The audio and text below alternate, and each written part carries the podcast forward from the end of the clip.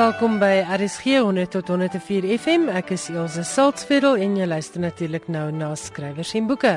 Vanaand het ons weer 'n baie lekker propvol program. In die eerste helfte gesels ek met die bekroonde skrywer Irma Joubert, wie se jongste roman, die eerste in 'n oorlogtrilogie, pas bekend gestel is. Ons gesels oor Immer Wes wat ook onlangs in Nederlands en Duits vertaal is en oor haar ander werk wat nou ook deur internasionale Amerikaanse uitgewers opgeraap is.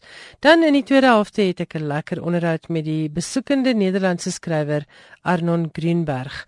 Greenberg is 'n skrywer wat nie skrik vir opspraakwekkende uitsprake of boeke nie, maar hy is ook 'n baie avontuurlustige mens en ons gesels oor van hierdie avonture en ook oor 'n neurowetenskaplike eksperiment waaraan hy onlangs deelgeneem het. Die eksperiment is later herhaal met die lesers van die betrokke roman om te kyk of hulle dieselfde emosies ervaar as wat hy tydens die skryf daarvan ervaar het. Maar dit is in die tweede helfte van Finanse Skrywers en Boeke. Eers 'n bietjie nuus oor skrywerswerkswinkels wat aangebied word deur die Universiteit van Stellenbosch op Saterdag, op Vrydag, ekskuus, 27 November en Saterdag 28 November en hierdie werkswinkels word aangebied deur die Hertzogpryswenner Ingrid Winterbag, maar ongelukkig is die roman werkswinkel wat sy aanbied reeds vol bespreek. Daar is egter nog plek in die werkswinkel oor kontryverhale aangebied deur Elias Nel, die werkswinkel oor poësie aangebied deur Sandra Besuidnout en ook in Anastasia De Vries se werkswinkel oor die kuns van rubriek skryf. Ongelukkig moet jy opskit as jy wil inskryf. Die sluitingsdatum is reeds oormôre, die 13de November. Dit kos R600 vir lede van die publiek en R500 vir die studente. En daarvoor kan jy insit op 'n praatjie deur al vier hierdie skrywers wat vir al die deelnemers oop is en die gasspreker is die bekroonde digter Alfred Schaffer. Jy gaan ook na sy kennis kan luister. Volgens uh professor Renal Foster is die doel van hierdie gewilde jaarlikse werkswinkels om sluimerende talente wakker te maak en om kreatiewe en kritiese denke te help ontwikkel. Deelnemers se kreatiewe werk word anoniem binne groepsverband bespreek en werkswinkelgangers word blootgestel aan die skryfwerk van verskillende skrywers ten einde hulle eie leeservaring te verruim. Slaggate waarin maklik getrap word wanneer 'n mens skryf, word ook uitgewys en jy word ook gehelp met inligting oor publikasiemoontlikhede en manuskripversorging. Die ATKV het hierdie skrywerswerkswinkels vanjaar finansiëel ondersteun en daarom hoef jy net R500 te betaal as jy 'n student is of R600 as jy 'n gewone lid van die publiek is. Inligting en inskrywingsvorms kan jy kry. Dit is nou teen Vrydag die 13de November op die laaste by professor Renal Foster. Haar e-posadres is skrywers by sun dit staan natuurlik vir Stellenbosch Universiteit.ac.za. Ek herhaal net weer professor Renal Foster se e-posadres is skrywers by sun.ac.za. So gou spring en laat weet vir professor Renal Foster teen Vrydag die 13de of jy wil deelneem of nie. Nou is dit tyd vir my beloofde onderhoud met Irma Joubert. Afrikaanse lesers van historiese fiksie sal haar werk baie goed ken. Plaaslik is sy bekroon met 'n ATK-veertjie vir die roman Pontenilo en ek weet haar roman Tussen Stasies was een van die gewildste historiese romans wat onlangs in Afrikaans gepubliseer is.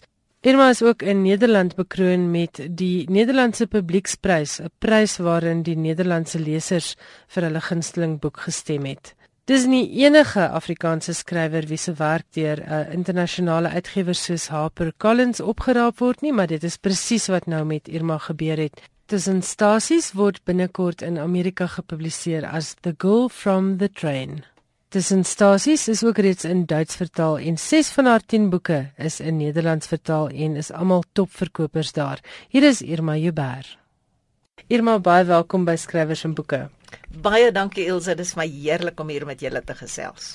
Ons gesels vanaand oor 'n nuwe boek, Immer Wes, wat pas gepubliseer is, pas vrygestel is. Dis 'n heerlike boek en ek het vir jou gesê by 'n gesprek vroeër, dis vir my 'n boek wat bietjie van die magic het wat jou eerste boek waarmee ek bekend was, Tussen Stasies, gehad het. Wil jy nie vir ons net vinnig vertel waar kom hierdie idees vir historiese fiksie almal vandaan nie? Want jou boeke is almal histories gebaseer. Baie baie deeglike feite en baie navorsing gaan in jou werk in. Ja, um, ek was geskiedenisonderwyseres my hele lewe deur, maar my stories um kom van mense wat vir my stories vertel. En sodra iemand vir my 'n storie vertel wat ek regtig in belang stel, dan neem my verbeelding oor.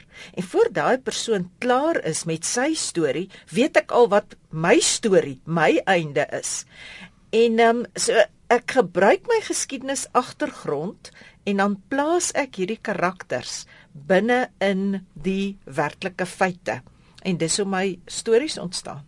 En jy doen iets baie goed. Ek het dit nou in Immerwes weer gesien. Jy laat nooit toe dat die feite die storie oorheers nie. Want dis baie maklik dink ek om te verval in blaaie en blaaie en blaaie se navorsing sodat die leser later belangstelling verloor in die storie. Hoe doen jy dit? Hoe kry jy dit reg? Dit is my die heel moeilikste om te doen want die navorsing is my ongelooflik lekker.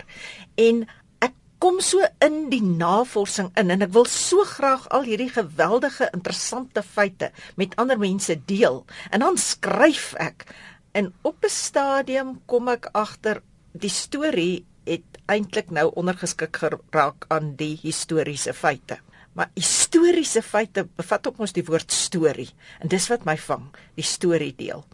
So ek moet baie keer geweldige interessante feite uithaal en die storie 'n bietjie meer beklemtoon. Om die waarheid te sê, met Immerwes wat gedeeltelik handel oor Duits Suidwes-Afrika en later Suidwes-Afrika, is met sy Nederlandse vertaling moes ek baie van daardie geskiedenis uithaal wat nou weer vir die Duitse vertaling geweldig interessant is. Maar die Nederlanders het nie veel te doen gehad met die Eerste Wêreldoorlog nie en ook nie met die Duits Wes-kolonie nie. So dit is interessant hoe verskillende plekke verskillende uh, klem lê op die historiese navorsing. En jy moet natuurlik nou jou vertaalde mark akkommodeer. Jy kan nie iets byvoorbeeld in 'n Nederlandse boek sit wat gaan aanstoot gee nie. So ek neem aan daar's ook politieke sensitiwiteite rondom van die feite. Nie vir my Afrikaanse boek nie. Want vir my Afrikaanse boek ek skryf vir die Afrikaanse leser eerstens. Maar ehm um, wanneer hulle vertaal, dan werk ek en die vertaler saam. En dit dis dis baie keer vir my 'n verrassing wat hulle wil uithaal en wat hulle ekstra wil hê. En in die Nederlandse boek was dit soos ek sê, die die Duits Wes-kolonie wat vir my nou geweldig interessant was en ook die Eerste Wêreldoorlog. Ja, en vir ek dink vir die meeste luisteraars gaan die Duits Wes-deel baie interessant wees want ek weet daar's baie baie oud Suidwesters wat hulle in in Suid-Afrika kom vestig het voor en na onafhanklikheidswording en almal van ons het ten minste al waarskynlik vakansie gehou in Namibië. So die Duits Wes-deel moet ek jou op komplimenteer. Ek het in Windhoek groot geword en ek het gesien hoe jou karakter daar van die Christuskerk afstap winkels toe en ek kan my verbeel in watter huis in die Christus uh, kerk se straat kon hulle gewoon het. Daar was jou werk werklik baie interessant en baie akkuraat. Ek het goed oor Suidwes geleer wat ek nie eens geweet het nie en ek is daar gebore en het daar groot geword. Die die boek word natuurlik ook in in in Namibië versprei en ek gaan juis einde Januarie begin Februarie op 'n boektoer in Namibië om dit daar ook bekend te stel. So ek het daardie boek eintlik maar spesiaal vir die Namibiërs geskryf en vir die mense wat so lief is vir Namibië soos wat ek ook is. Dis ons vakansieplek. Immerwes is nou die eerste deel van 'n splinternuwe trilogie want jou boeke werk nou nogal interessant so dis altyd deel van een boek vorm maar altyd deel van een of ander trilogie. Vertel 'n bietjie van die ander twee boeke wat hierop volg. Hierdie boek speel af in hoofsaaklik in Duitsland en die ander twee waar gaan hulle gebeur? Ja, anders as my vorige twee trilogieë is hierdie nie net een familie se verhaal nie. Hierdie noem ek my oorlogstrilogie. En dit is dieselfde omstandighede en tyd maar in drie verskillende lande, naamlik die eerste in Duitsland, die tweede in Nederland waar ek ook 'n wonderlike pragtige storie het. Ek kan nie wag om hom te begin skryf nie. En dan die derde een heel waarskynlik in Engeland. Eintlik beslis in Engeland, maar ek moet hom nog 'n bietjie navors. Die karakters gaan mekaar wel ontmoet op 'n stadium en veral in die derde boek, ehm um, gaan hulle baie nouer met mekaar kontak hê om die waarheid te sê een van my neuwe karakters in hierdie boek Klein Esther gaan in die derde boek een van die hoofkarakters word. En kom ons praat oor Klein Esther want sy was my die ligpunt van hierdie boek. Haar naam beteken nie verniet sterretjie nie. Sy het lig gebring in 'n oorlogssituasie en sy het lig gebring in mense se lewens. Hoe moeilik is dit om so vreugdevolle karakter te vind in so 'n donker storie want dit is 'n storie met ernstige temas. Dit gaan oor oorlogsleiding en oor die oorlog wat regtig waar vir almal wat dit ervaar net pyn en lyding bring. Ja, dit is verskriklik veral nee, ek wil net sê vir al die Tweede Wêreldoorlog, nie Eerste en die Tweede Wêreldoorlog. En ek het net gevoel daar moet nou 'n bietjie vrolikheid inkom en wat beter as 'n vrolike blonde kop dogtertjie met ongelooflike baie lewenslus. Kyk haar ma was al um, ouer toe sy al gehad het en en en sy het my moeg gemaak daai dogtertjie. uh, jy weet as sy gehuil het, was dit snot en trane en as sy gelag het, was dit absoluut die wêreld lag saam met haar. En dit was net vir my 'n heerlike karakter. Ek het haar nie geskep nie, sy het in die storie ingetrek en net so wonderlik ontwikkel. Laat dit vir my so 'n lekker karaktertjie is. Ek vat haar nou sommer verder. Vertel vir ons van hierdie proses van karakters wat kom aanmeld want dis iets waaraan ek my persoonlik altyd verkneukel is romanskrywers wat net vir my sê weet jy eenoggend toe staan ek op en hier is hierdie karakter en hy wil deel word van my storie. Hoe werk daai proses vir jou? Myne werk nie heeltemal so skielik nie. Kyk, ek hoor 'n storie en dan begin my karakter reeds vorm as ek die storie hoor. Nou my stories is nie net altyd gebaseer op een verhaal nie. Dit is gewoonlik 'n kombinasie van verskillende mense se stories. Maar soos hulle dit vertel, kan ek alreeds daardie prentjie van die karakter vir myself in my kop sien. En wanneer ek dan navorsing doen, dan probeer ek spesifiek my karakter in daardie situasies inplaas. Byvoorbeeld, ehm um, die ruimte. Ek gaan gewoonlik na die plekke toe. Ek het na Namibië onder andere gegaan vir hierdie ehm um, uh, boek en ek het in Walvisbaai gestaan op die hawe waar hulle sou aankom.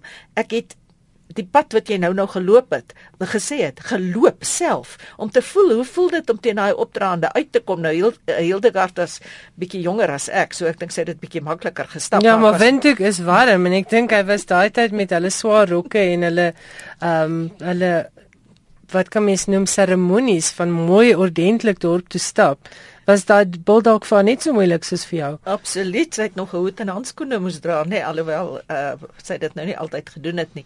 En dan begin 'n karakter ontwikkel en die hoofgeheim dink ek om 'n werklik waar geloofwaardige karakter te hê is om na jou karakter te luister. Jy weet waarheen lei die historiese feite, daardie karakter. Maar jy moet die karakter los om self te ontwikkel binne die historiese feite, binne die gebeure waarin jy hom geplaas het. En as jy dit nie doen nie, dan verloor jou karakter sy geloofwaardigheid. Jy kan hom nie in 'n rigting indwing nie. Ek weet met tussenstasies wat soos ek sê my kennismaking met jou werk was, het jy Duitsland toe gegaan. Jy was onder andere na die konsentrasiekampe om te gaan voel, hoe voel dit om daar binne uh te wees en om vir jouself die atmosfeer te probeer verbeel. Met Immerwes was jy weer Duitsland toe om te gaan navorsing doen. Hoe pak jy daai ter plaatse navorsing aan? Gaan neem jy fotos, gaan stap jy die roetes, besoek jy museums, wat doen jy alles? Ek neem fotos, ek um stap die roetes en neem dit op my bandopnemer op. Ons het byvoorbeeld my seun en ek het na die Wansee toe gery, die Spree rivier, daardie tipe goeters, want dit was een van die dinge wat ek gedink het sy sal doen. Sy woon in 'n pragtige herehuis. Ek het hoeveel herehuise gaan afneem in daai strate gaan loop en gaan kyk hoe lyk dit. En dan het ek dae om die waarheid te sê 5 dae van ons toer deur Duitsland het ek net in 'n museum in Duitsland deurgebring. Dit was 'n wonderlike wonderlike museum met video's wat 'n mens persoonlik kon kyk op 'n rekenaarskerm en jy kon hom stop en dan en dan aantekeninge ek het sommer op my bandopnemer aantekeninge vir myself gesê want dit gee my ook die visuele van hoe dit was in die eerste wêreldoorlog in die tweede wêreldoorlog ek het daar vir keiser Wilhelm ontmoet en en en gesien hoe hy opgetree en eintlik die hartseer van daai seuns wat hy weggestuur het om te gaan veg in die loopgrawe van die Eerste Wêreldoorlog my geweldig aangegryp. Ja, want eintlik was hulle soos maar in elke oorlog kanonvoer. Hulle het iemand anders se ideaal gaan verdedig blindelings uit patriotisme en as gebroke mense of as lyke teruggekom absoluut en veral in die Eerste Wêreldoorlog geweldig gebroke omdat die mediese versorging net nie daar was nie en daar was soveel amputasies en daardie tipe goed wat wat verminkte mense agtergelaat het boonbehalwe die sielkundige verminking wat hulle opgedoen het. Ek hou van hoe jou karakter groei. Hildegard, ons ontmoet haar as 'n 5-jarige wat vlug uit Sint Petersburg. Haar ouers is adellikes, sy vlug weg of hulle vlug dan nou weg van die Bolsjewiste. Die reis deur die boek neem haar na verskillende plekke. Königsberg waar sy groot geword het en dan Berlyn waarheen hulle weer eens vlug om van die Bolsjewiste weg te kom. En dan uiteindelik dwing die oorlog haar om Berlyn te verlaat en dis hoe, da, hoe sy dan nou met nog 'n interessante ompad in Duits-Wes beland uit Duitsland uit.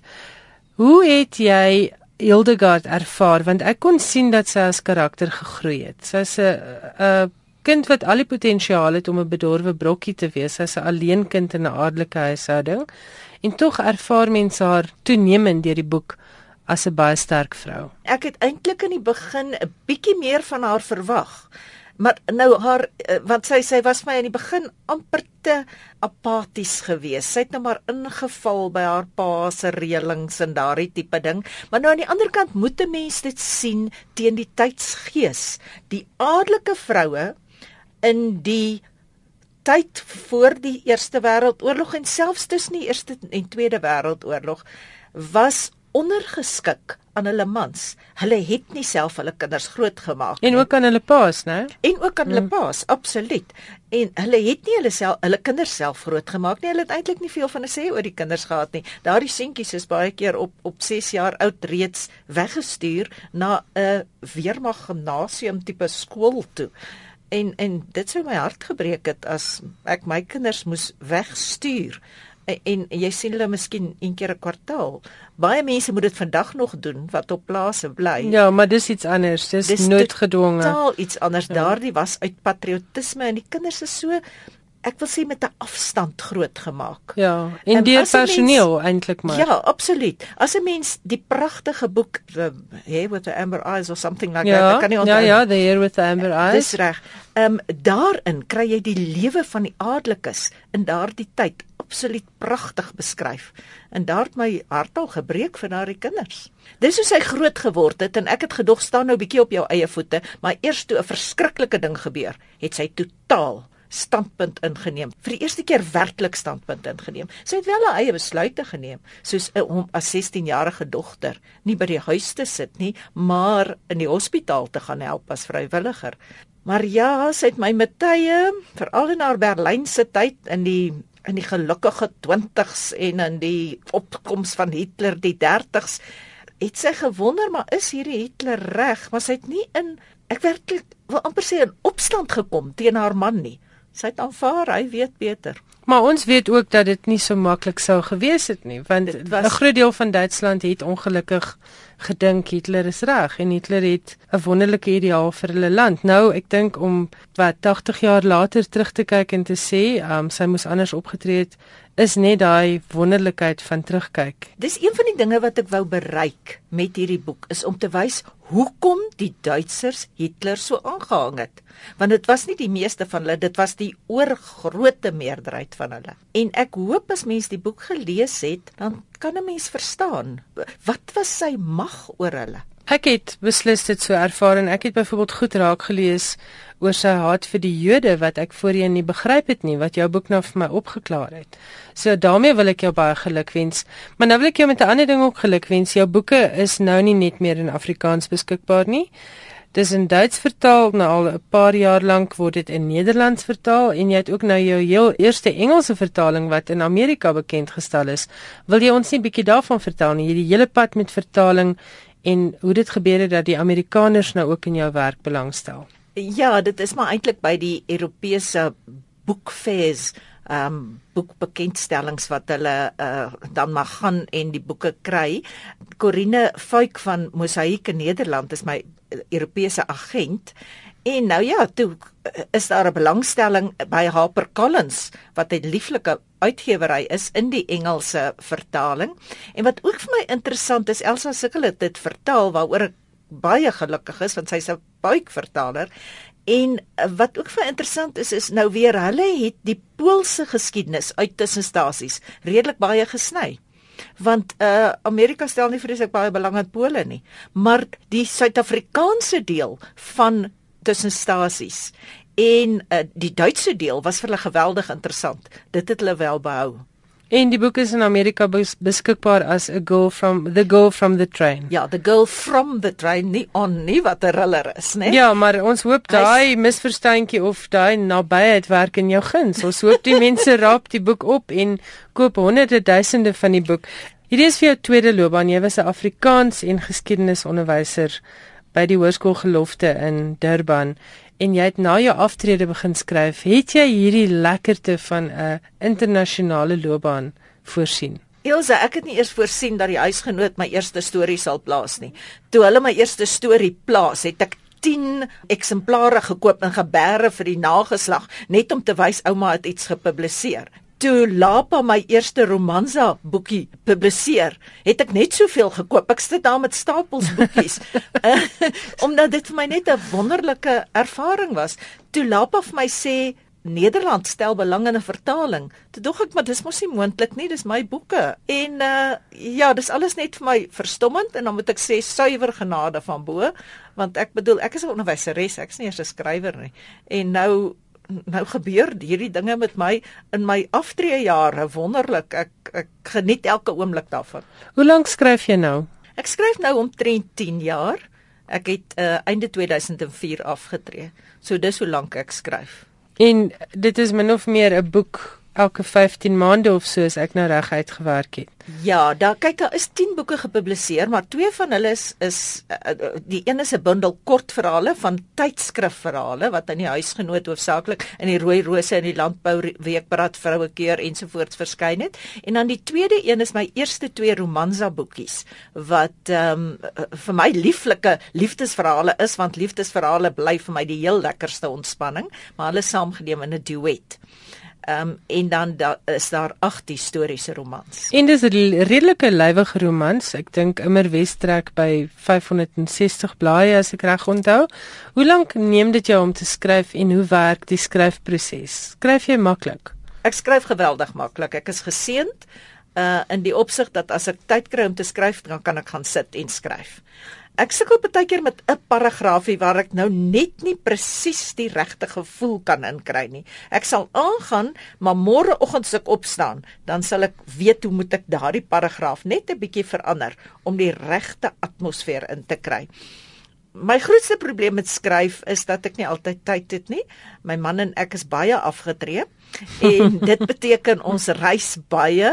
Ons hou vakansie, ons gaan kuier vir ons kinders, ons ons het drie wonderlike kleinkinders, ons gaan kuier vir hulle. Ek het vir my man beloof my skryfwerk sal nie inbreuk maak op ons aftreejare nie. En ek moet sê my skootrekenaar ry saam ja en partykeer dink ek maak dit bietjie inbreuk, maar gelukkig het ek 'n wonderlike man wat verstaan en ek het vriende saam met wie ek vakansie hou wat vir my ruimte laat om selfs op vakansie 'n bietjie te skryf. Ja, want ek dink nie kreatiwiteit hou uit vakansie nie. Nou, as jy nou op 'n vakansie is en die misse is daar, dan moet jy sekerlik ten minste 'n paar notas maak. My probleem is die misse is permanent in my kop en hulle verdring baie ander dinge, soos byvoorbeeld om 'n goeie huisvrou te wees of om tuin te maak of of skool my wiskunde is heeltemal heeltemal oorskadu deur die misse. So ek sukkel nie om my misse by my te kry nie is meer tyd. En net 'n laaste vraag, as jy moet raad gee aan aspirantskrywers en ek weet daar luister vanaand weer mense wat weet hulle wil graag skryf, hulle weet nie noodwendig hoe om by die by die publikasie van 'n boek uit te kom nie. Wat sou jou raad wees? Jou heel beste paar punte aan aspirantskrywers. Eerstens, jy lees en jy lees en jy lees. Jy lees alles wat in Afrikaans verskyn as jy in Afrikaans wil skryf, of jy nou daarvan hou of nie Tweedens lees jy alles wat in jou genre verskyn, natuurlik nie alles nie, soveel moontlik. En daar bedoel ek nie net in Afrikaans nie. Ons is so bevoorreg in hierdie land om Engels te kan lees en die meeste goeie boeke word in Engels vertaal. So jy kan historiese romans lees van in Rusland of in uh Swede of in waar ook al gepubliseer is. En eers as jy ongelooflik baie gelees het, dan gaan sit jy, dan woon jy eers skryfskole by asseblief want ek dink daardie tegniese agtergrond is baie belangrik. Ja, en dan gaan sit jy jou. en jy skryf. En jy skryf nie jou droomroman nie. Ek sou sê jy begin by kortverhale omdat dit 'n geweldige goeie oefenskool is om jou te leer om binne 'n sekere struktuur te skryf en binne 'n sekere woordtal. En dit is waar groot skrywers soos Andrei P Brink begin het. Daleen Matthee soveel Dion Meyer het met Dion kortverhale Meyer begin. en hulle, hulle het kortverhale vir die huisgenoot en vir die vrouekeur en vir wie Hmm. ook al geskryf. En daarna eers kan jy begin om onder te begin skryf. Maar moenie begin met 'n roman want jy het hierdie wonderlike storie in jou kop as jy nog nie Eers 'n kortverhaal geskryf het nie. Absoluut jy kruip voor jy wil loop voor jy hardloop. En as ek nou vir jou sê ek kry briewe van mense wat sê, "Ag, ah, weet jy, die uitgewer het my boek afgekeur en daarom het ek besluit ek gee hom sommer self uit." Wat is jou reaksie? Wat sou jou raad wees aan so 'n mens? My raad aan so mense is gaan terug na die uitgewer toe. Die uitgewers in hierdie land is puik. Hulle weet presies wat werk en wat werk nie. Jou ma kan vir jou sê dis 'n pragtige storie. Jou man kan dit vir jou sê. Jou kinders kan dit vir jou sê. Jou vriende kan dit vir jou sê. Hulle weet niks. Op die ou end weet die uitgewer wat is die beste. Ek het nog nie een boek uitgegee wat ek nie baie aan moes verander nie. Elke boek wat ek stuur vir die uitgewer en ek dink hierdie keer is hy reg en hy's nooit reg nie. En ek doen presies wat die uitgewer sê. Ja, want die uitgewer het 'n hele span mense wat saam aan daai boek werk uiteindelik. Is nooit net jy en een ander mens nie. En die uitgewer het jare se ervaring in daardie rigting en die uitgewer het heel waarskynlik ook baie ver daarin studeer. Baie dankie. Dit was Irma Juber, veelbekroonde romanskrywer. Baie dankie vir jou tyd en voorspoed met jou skryfwerk. Baie dankie Ilse, dit was heerlik om weer te gesels. En daardie vrolike stem behoort aan Irma Juber. Haar nuwe boek Immerwes kos R239.99 en word uitgegee deur Lapa Uitgewers. Dankie dat jy ingeskakel is op RSG. Ek is Elsje Salzwetel en nou is dit natuurlik tyd vir die tweede helfte van Vanaand se skrywers en boeke. Ons kop dit af met Johan Meiburg se weeklikse insetsel oor die internasionale letterkunde. Baie welkom, Johan. Baie dankie. Die Nederlandse skrywer Arnon Groenberg was onlangs in die land vir die bekendstelling van die vertaalde weergawe van Tirsa, sy roman van 2006. Die vertaling is gedoen deur Lina Spies en die boek is uitgegee deur Protea. Groenberg se besoek is georganiseer deur Sasnef, die Suid-Afrikaanse Sentrum vir Nederland en Vlaandere in Kaapstad. Sasnef reël elke jaar 'n boektoer met 'n bekende Nederlandse skrywer uit Vlaandere of Nederland wat saam met skrywers in Afrikaans dwars oor die land optree. Die 44-jarige Arnon Groenberg is gebore in Amsterdam en word erken as een van die belangrikste Nederlandse skrywerstemme van die laaste dekades. Hy woon en werk in New York, vanwaar hy as rubriekskrywer en joernalis gereelde bydraes vir die Nederlandse De Volkskrant in publikasies soos The New York Times en Boekforum lewer. Die Constantyn Huygens-prys, een van Nederland se belangrikste literêre pryse, is in 2009 aan hom toegekend vir sy oeuvre. Tersa is die verhaal van 'n pa se obsessiewe liefde vir sy dogter wat pas klaar is met skool. Volgens Lina Spies is die verhaal waaroor Groenberg se roman geskryf is, nie sy verhaal nie, maar die van 'n man wat uit sy kennis van die lewe en van die Ou Testament en die Shoah, die Joodse volksmoord, op 'n diep menslike vlak ken en begryp. In 'n peiling van die tydskrif De Groene Amsterdammer deur letterkundiges, akademici en skrywers is die boek aangewys as die belangrikste roman van die 21ste eeu. Op die kortlys was ook boeke soos Saturday van Ewan McEwen, The Road van Cormac McCarthy, Platform van Michelle Houellebecq en Agathe van Marlene van die Kerk. Groenberg het in 1994 gedebuteer met Bloue Maandae wat indertyd beskryf is as 'n groteske komedie. Met die debuut het hy die Anton Wagter Prys verower. In 2000 het hy die Anton Wagter Prys vir 'n debuutwerk vir die tweede keer verower, toe onder die skuilnaam Marek van der Jagt die roman Die geskiedenis van my kaalheid gepubliseer het. Sedert die verskyning van Tersa uitgevolg ons se oom in 2008, Huid en Haar in 2010 en in 2012 De man sonder siekte. Ten slotte Anne Marie van die Kerk, 'n resensent wat in Den Haag woon, het Tersa beskryf as die beste van Groenberg se 10 romans. As jy iets van kontemporêre Nederlandse literatuur wil weet, skryf sy, moet jy Tersa lees. Selfs al het jy geen affiniteit met die Nederlandse literatuur nie, mag jy die roman nie misloop nie. Ja, net nou vir ons die interessante agtergrond gegee rondom Arnon Greenberg en ek het met hom 'n onderhoud gevoer tydens 'n bekendstelling van Terza by Protea Boekehuis in Pretoria. Hier is Arnon Greenberg.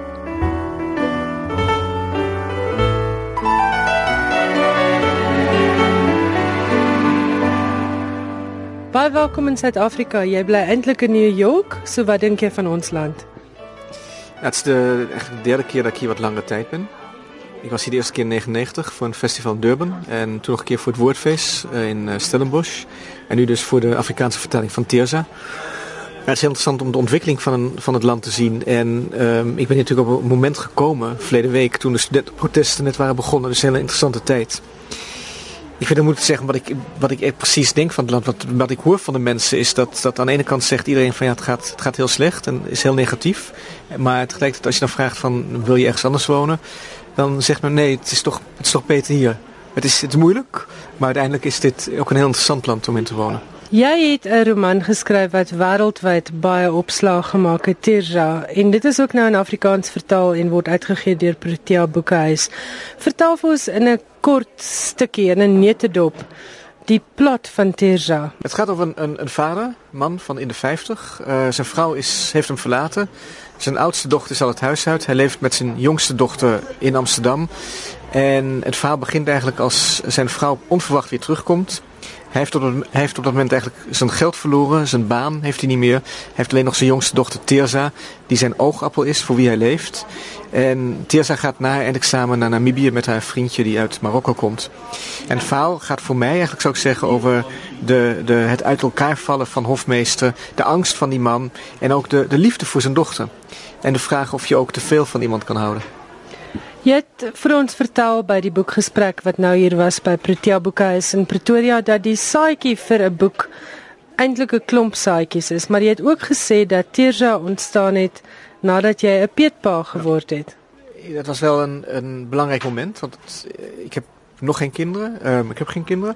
Maar toen dat jongetje werd geboren in 2004, juli 2004, eigenlijk in mijn woning in New York, merkte ik toch dat er, dat er iets in mij veranderde. En dat ik plotseling zonder dat eigenlijk te willen, zoveel van hem hield, of zo bekommerd om hem was, dat ik allerlei angsten ontwikkelde die die, waarvan ik had gedacht dat ik ze nooit zou hebben. Dat ik bang was dat hem iets zou overkomen, bang was dat ik hem uit mijn handen zou laten vallen.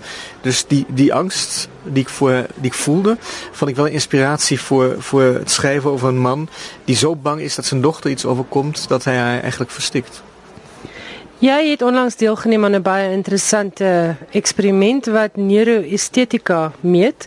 Jy het 2 weke lank geskryf met breinelektrodes of elektrodes wat aan jou kop gekoppel was aan jou hart. Dit het dinge gemeet soos hartklop, polsslag, breinaktiwiteit. Hoekom het jy dit gedoen? Het was eigenlijk mijn, notabene mijn idee. Um, het is allemaal begonnen met een gesprek met de uitgever over e-books. En over het feit dat Amazon in Amerika precies bijhoudt als je een e-book leest waar je ophoudt met lezen of waar je een woordenboek gebruikt. En toen dacht ik, het is heel interessant omdat je, kan tegenwoordig zoveel dingen meten. Misschien kan je ook bijvoorbeeld de hartslag van een lezer meten of het brein van een lezer. En toen heb ik contact gezocht met een uh, groep van neurowetenschappers in Nederland. En die zeiden, dat vinden we een heel interessant idee. We willen lezers heel graag meten. We willen precies, we willen eigenlijk meer weten over creativiteit en, en hersenactiviteit.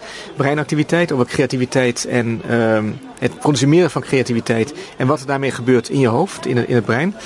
En toen hebben zij voorgesteld om eerst mij twee weken te meten, terwijl ik zou worden geschreven, zou worden, um, terwijl ik aan het schrijven ben. En daarna de lezer te meten, terwijl die mijn boek uh, aan het lezen is, als het al klaar is. Wat het jullie geholpen om te vinden? De neurowetenschappers hoopten meer te weten over creativiteit. En ik was wel benieuwd of je inderdaad kan zeggen, nou dit gebeurt er in het hoofd van de schrijver als hij aan het schrijven is. Dat laatste is duidelijk niet gelukt. Maar ze zijn wel heel tevreden over de metingen die ze hebben gedaan bij lezers, 350 lezers. Die, die data die ze nog moeten verwerken zijn zo interessant dat, ze daar, dat de neurowetenschappers daar een artikel over gaan schrijven. Ze denken iets te kunnen zeggen over hoe uh, een specifiek boek, in het geval mijn boek, wordt gelezen en wat, wat er precies gebeurt in de hersenen van de lezers. Jy het op 'n jong ouderdom gedebuteer. Jy het met jou eerste boek Blaue Maandagin wat vertaal is as Blue Mondays, het jy 'n gesogte Nederlandse prys gewen. En 'n rukkie daarna, ek dink 6 jaar daarna, toe wen jy dieselfde prys weer maar onder 'n skuilnaam. Ja. Van waar kom hierdie ywer verskryf? Want jy die laaste ja. paar jaar het jy 12 boeke gepubliseer en jy is ook joernalis. Ja, ik denk dat ik, ik ben gedisciplineerd. Ik heb zelf geen gezin, dus ik heb veel tijd. Ik hoef geen kinderen op te voeden. En ik ben wel opgevoed met het idee dat je hard moet werken. Dus het, het, de discipline zit wel in me. Ik heb wel het idee dat, dat een dag dat ik niet geschreven heb, is een verloren dag. Zelfs als ik op vakantie ga, wil ik toch graag even schrijven. Jy het oor allerhande uiteenlopende onderwerpe geskryf. Vertel net vir die lesers waaroor. Nou, ik heb ik heb natuurlijk uh, of natuurlijk ik heb heel veel journalistieke projecten gedaan vanaf 2006. Ik was met Amerikanen mee in Irak 2007, 2008. Ik was met de Nederlanders, het Nederlandse leger mee in Afghanistan 2006, 2007.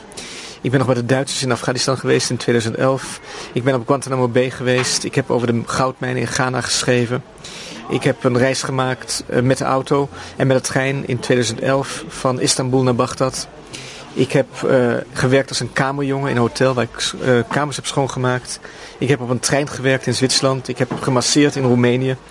En ik heb ook veel van die ervaringen wel gebruikt voor mijn romans. Niet, niet direct, maar wel als inspiratiebron. Jy het vroeër gesê jy doen dit om jou lewe te vergroot. Ja. Is dit die is dit die hoofdrang met al die avonturen?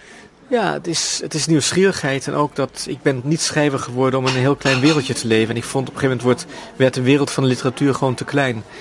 En wilde ik graag dingen beleven en dingen zien die ik kende, die ik niet meer beleefd. En wilde ik werelden bezoeken die ik anders niet zou bezoeken. En dat was een reden dat ik een Nederlandse krant uh, voor wie ik een, uh, een column schreef voorstelde. Dat ik een andersoortige column zou gaan doen en dat ik uh, meer journalistieke stukken zou gaan schrijven. Je woont in New York, wat natuurlijk wonderlijk is voor vir mense kyk. Dink jy dit help om in so groot stad te woon as jy 'n waarnemer van mense is? Ja, dat denk ik wel. Ik denk dat, dat je hebt natuurlijk in heel veel grote steden kan je mensen waarnemen. Ik ben zelf opgegroeid in de stad. Ik ben wel een stadsmens, denk ik. Maar hoe meer mensen je kunt waarnemen, hoe beter. Hoewel ik denk natuurlijk, een andere schrijver zou misschien zeggen... ik woon in een dorp en dat hele dorp is voor mij de hele wereld. In die zin wordt... Maar je, hebt wel, je moet wel iets waarnemen. Ik denk dat het heel moeilijk is om een goede schrijver te zijn en een kluizenaar. Je hebt wel het contact, in ieder geval ik, het contact met andere mensen nodig, de waarnemingen, um, de observaties.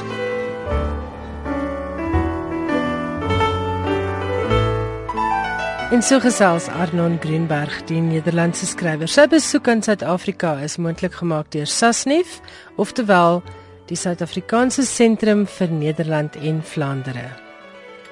Ja, nog nies. Wel, volgens Booknet Canada is daar verlede jaar in Kanada 52 miljoen boeke verkoop. Daarvan was 55% sagte band, 25 harde band en slegs 17% e-boeke. Die ander 3% is opgemaak uit audioboeke en ander. Verskeie boekhandelaars het aangedui boekverkope het met 20% toegeneem en volgens die land se grootste boekverkoper Indigo het e-boekverkope drasties afgeneem. In Brittanje het die land se grootste boekverkoper gesê Kindles het verdwyn terwyl boekverkope met 5% toegeneem het. Voorspellings het voorheen daarop gedui dat digitaal teen 2016 die oorhand sou hê en dat gedrukte boeke teen 2020 so skaars soos CD's sou wees. In 2011 het verkope van e-boeke 'n piek bereik, maar sedertdien met 25% afgeneem. Daar word verskeie redes vir die aftog wat e-boeke blaas aangevoer. Die eerste is dat e-boeke in die algemeen nie werklik goedkoper is as gedrukte boeke nie.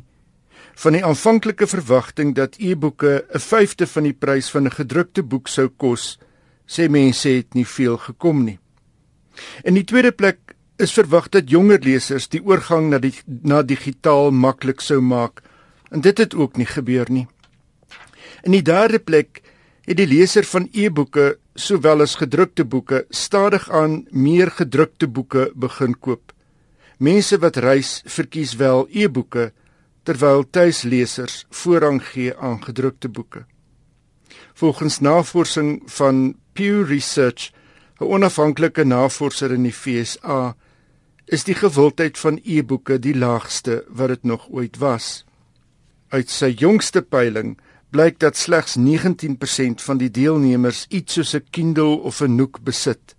Verlede jaar was die syfer 32%. Die afname in e-lesers hou glo direk verband met die opkoms van slimfone en tablette. Wat 'n mens wel kan verwag, is 'n georkestreerde poging om e-boeke sinvoller te bemark en lesers die keuse te bied watter vorm van boeke hulle in die hand wil hou. Jan, wat verkies jy? Ek verkies 'n gedrukte boek. Dis ja, gewoon my my ja. voorkeur.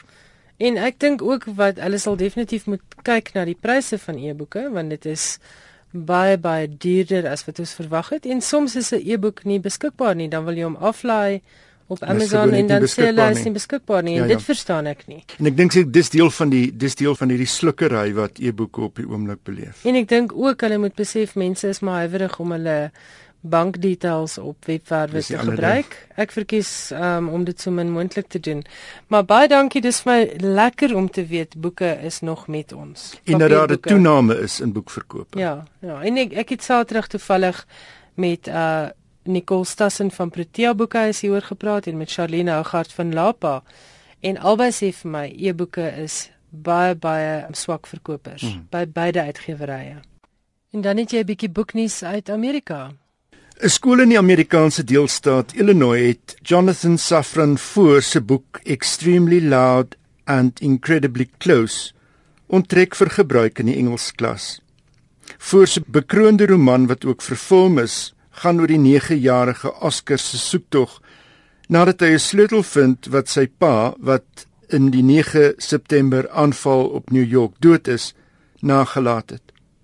Die skool se besluit volg op ouers se besware teen wat genoem word vulgêre dele in die boek. Die skool het ook aangedui is besig om 'n nuwe beleid te ontwikkel om ouers in te lig oor die boeke wat hulle kinders lees. In reaksie op die besluit het die nasionale koalisie teen sensuur en die Amerikaanse biblioteekvereniging gesê die onttrekking van 'n boek van erkende literêre en opvoedkundige meriete en boonop een wat jare lank al deel is van die leerplan gewoon omdat sommige ouers nie daarvan hou nie doen nie net opvoedingsbelange onguns aan nie maar raak ook inderdaad grondwetlike kwessies aan Dit was die stem van Johan Meiburg wat natuurlik sorg dat ons gereeld op hoogte gebring word van gebeure in die internasionale letterkunde. Baie dankie Johan. Ongelukkig het die tyd ons nou ingehaal. Dit voel vir my elke week of vir die uur tussen 8 en 9 op 'n Woensdag aand net gouer verbyvlieg. Laat hoor gerus van jouself. My e-posadres is skrywersenboeke@rsg.co.za en die SMS nommer behoort julle nou al te ken. Dit is 34024 en elke SMS kos R1. Volgende week hou ons kunstefees hier op RSG. Dit is die derde RSG kunstefees op die lug en ek is dan terug met een van verlede jaar se gewildste produksies, Die Woordketting. Julle sal onthou dat ek drie digters gevra het om vir my ou gedigte, bekende tradisionele gedigte te omvorm of te verwerk of hulle eie variasie daarvan te skryf. En ek en Philip de Vos en Andrius Besuidnat en Diana Ferris het geweldig baie pret gehad in die ateljee saam met Elise Kaywood wat vir ons die gedigte voorgeles het. Nou hierdie jaar is hulle vier weer terug en ek hoop en glo hierdie jaar se woordketting gaan net soveel pret wees soos die woordketting van 2015. Sorg dus dat die kos vroeg gekook is en die kindertjies in die bed is, hoewel hulle kan eintlik maar saam luister en dat jy rustig is voor die radio volgende woensdag aand vir die woordketting hier op RSG. Tot dan, moenie weggaan nie. Hier is heerlike musiek nog vir die res van die aand, saamgestel deur my kollega Tarin Oosthuizen. Tot ons weer gesels volgende woensdag aand net hier op RSG as deel van RSG se kunstefees. Totsiens.